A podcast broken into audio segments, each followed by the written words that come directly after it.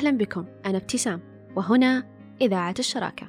المحطة التي تضيء في ميادين عدة راغبة في أن تنير عقولا مسلطة ما تملكه من ضوئها على جميع ما يهم الطالب والمجتمع. الفشل هو أول خطوات النجاح اللي ما فشل عمره ما نجح. أكيد مرت هذه الجمل علينا بصيغ وطرق مختلفة لكنها تحمل معنى واحد ومقصد قد لا يختلف عليه اثنين. وبسبب تكرارها بشكل لا يتوقف على مسامعنا أصبحت تلك الحقيقة جمل رتيبة مستهلكة قد تصبح كلام فارغ إذا لم توضع في موضعها الصحيح وعلى الرغم مما وصلت إليه هذه الحقيقة من الاستهلاكية العالية إلا أنها لا تزال تحمل نسبة كبيرة من الصواب وللتأكيد على ذلك خلونا نسأل هل الفشل يجعل النجاح ذا مذاق أفضل؟ وهل شهيتنا وتعطشنا للنجاح يزداد بعد الفشل؟ بالتأكيد قد واجهنا الفشل في مرحلة من حياتنا. عندما رفض أحدهم لمقابلة عمل أو عندما يرسب شخص في اختبار ما عندما تغلق أبواب التخصص الذي حلمت في الدراسة على مقاعده أو عندما لا تقبل في الجامعة التي لطالما حلمت بها. أيضا عندما نتعرض لتجربة اجتماعية أو مالية فاشلة سواء شئنا أم أبينا فنحن مقدمون على مواجهة الفشل في مراحل كثيرة ومختلفة من حياتنا. والفشل جزء لا يتجزأ من الحياة وغالبا بعد التعرض للفشل يكون لدى الإنسان خيارين هما نفس الخيارين اللذين كانا محصورين في شخصيات كتاب من الذي حرك قطعة الجبن الخاصة بي إما أنهم يبقون ضائعين جالسين دون حراك في المتاهة أو أنهم يتحركون في المتاهة بحثا عن محطة الجبن التالية. وكذلك الإنسان إما أن يبقى في المكان الذي هو واقف فيه دون حراك أو يتحرك في هذه الحياة باحثا عن هدفه.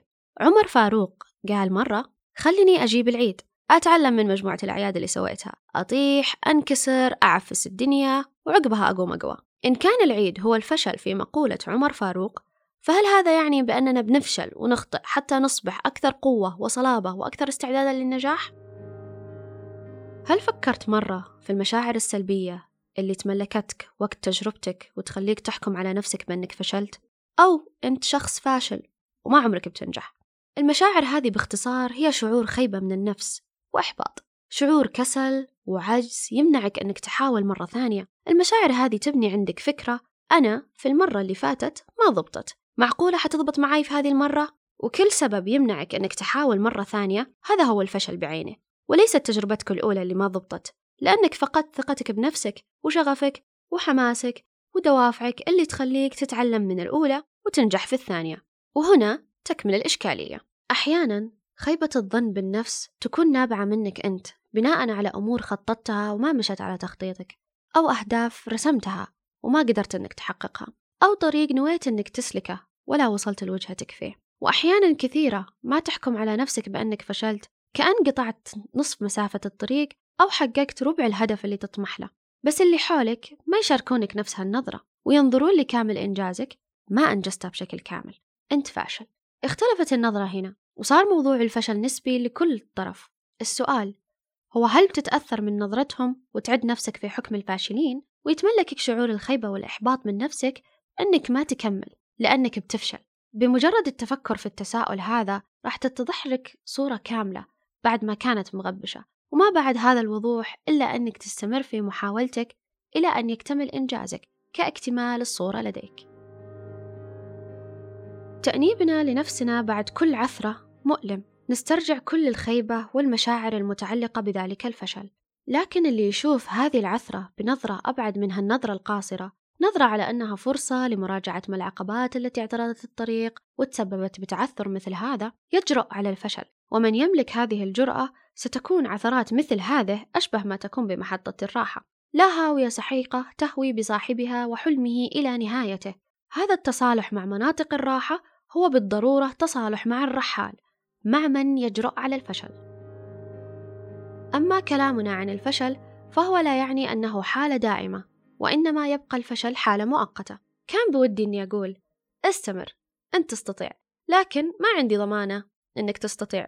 وأعتقد أن الشخص نفسه في حالات كثيرة ما يقدر يحدد إذا هو يستطيع أو لا إلا إذا استمر في السعي والتجربة. وهذا ممكن يأخذنا لجانب آخر اللي هو مفهوم الاستطاعة. الشيء اللي تستطيع التفوق فيه الآن ربما لم تكن تستطيع اجتيازه قبل ثلاث أو خمس سنين. وهذا مفهوم آخر يعلمنا أن بعض الأشياء اللي فشلنا فيها في فترة أو ما استطعنا تجاوزها ممكن ننجح فيها في فترة أخرى. قد تحكمك الظروف أو قد تحكم فترتك ولا بنقدر نعرف مدى تغلبنا عليها أو تصالحنا معها إلا إذا جربنا. إذا أنت توقفت عن السعي للأشياء اللي تبيها ولأهدافك وطموحاتك هنا أنت امتلكت ضمانة الفشل. صح لو كملت ما عندك ضمانة النجاح لكنه اختيار أفضل من اختيار الفشل. عشان كذا كمل ما دامت الفرصة موجودة. اسعى لو بأقل الإمكانيات وحتى لو بالحد الأدنى من المتاح. على الأقل ما توقف مكانك على الأقل تستمر في التقدم ولو لمسافة ضئيلة. ممكن تصنع الفرق في المستقبل. مسافة ممكن تحول فشلك إلى نجاح.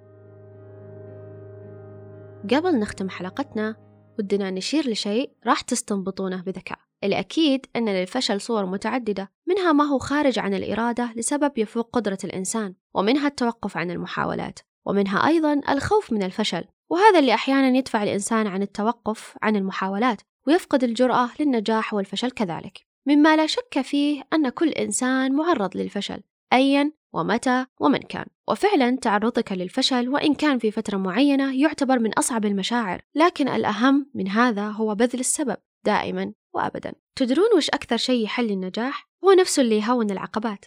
الاستمتاع ببساطة. الاستمتاع. الاستمتاع طوال رحلة الطريق. لا تعيش نفسك تحت الضغط ولا تخلق عقبة أخرى في طريقك تعيقك. لا تجعل المستقبل ينسيك الآن ينسيك الحاضر. استمتع برحلتك. ودنا نبسط لكم المعادلة ونقسمها لقسمين أو مسارين مسار وقائي ومسار علاجي. لأننا مو بمثاليين وقلنا إن في احتمال تفشل وتطيح. بس شلون نقلل من نسبة تعرضنا لهذا الفشل؟ واحد حسن الظن بالله عز وجل وإيمانك بأقدار الله وأن الخير هو ما كتب وقدر لك سواء وصلت أم لم تصل. اطلب الرضا واستحضره وعقلها وتوكل. اثنين تدرك تماما بأن الطريق ليس محفوفا بالورود ويجب أن تكون متأهب نفسيا وبخطط أخرى وهنا تدرك أيضا بأهمية التخطيط لكل هدف. هذا بالنسبة للمسار الوقائي. أما العلاجي فهو مرتبط ارتباط وثيق بالمسار الوقائي وأهم نقطة هي بذل السبب والسعي المستمر ولا بأس إن تغيرت الخطط وآلت لغير المتوقع. أيضا من المهم أنك تضع ببالك بأهمية عنصر الواقعية في أهدافك. أيضا تحديد المشكلة يختصر عليك كثير من التفكير. تخيل أنك تصلح شيء هو ما يحتاج للإصلاح أساسا. إذا فمن المهم عند مواجهتك لأي مشكلة أنك تحددها وتبدأ في حلها وتكمل. هؤلاء الذين يجرؤون لا يخسرون شيئا. لذلك خلك جريء واظفر بالفشل الأول والثاني والثالث. وش وراك؟ هذه المناعة التي تحدثها هذه الجرأة هي ما تحدو بك إلى أن تظفر بنجاحك مثل ما ظفرت بفشلك.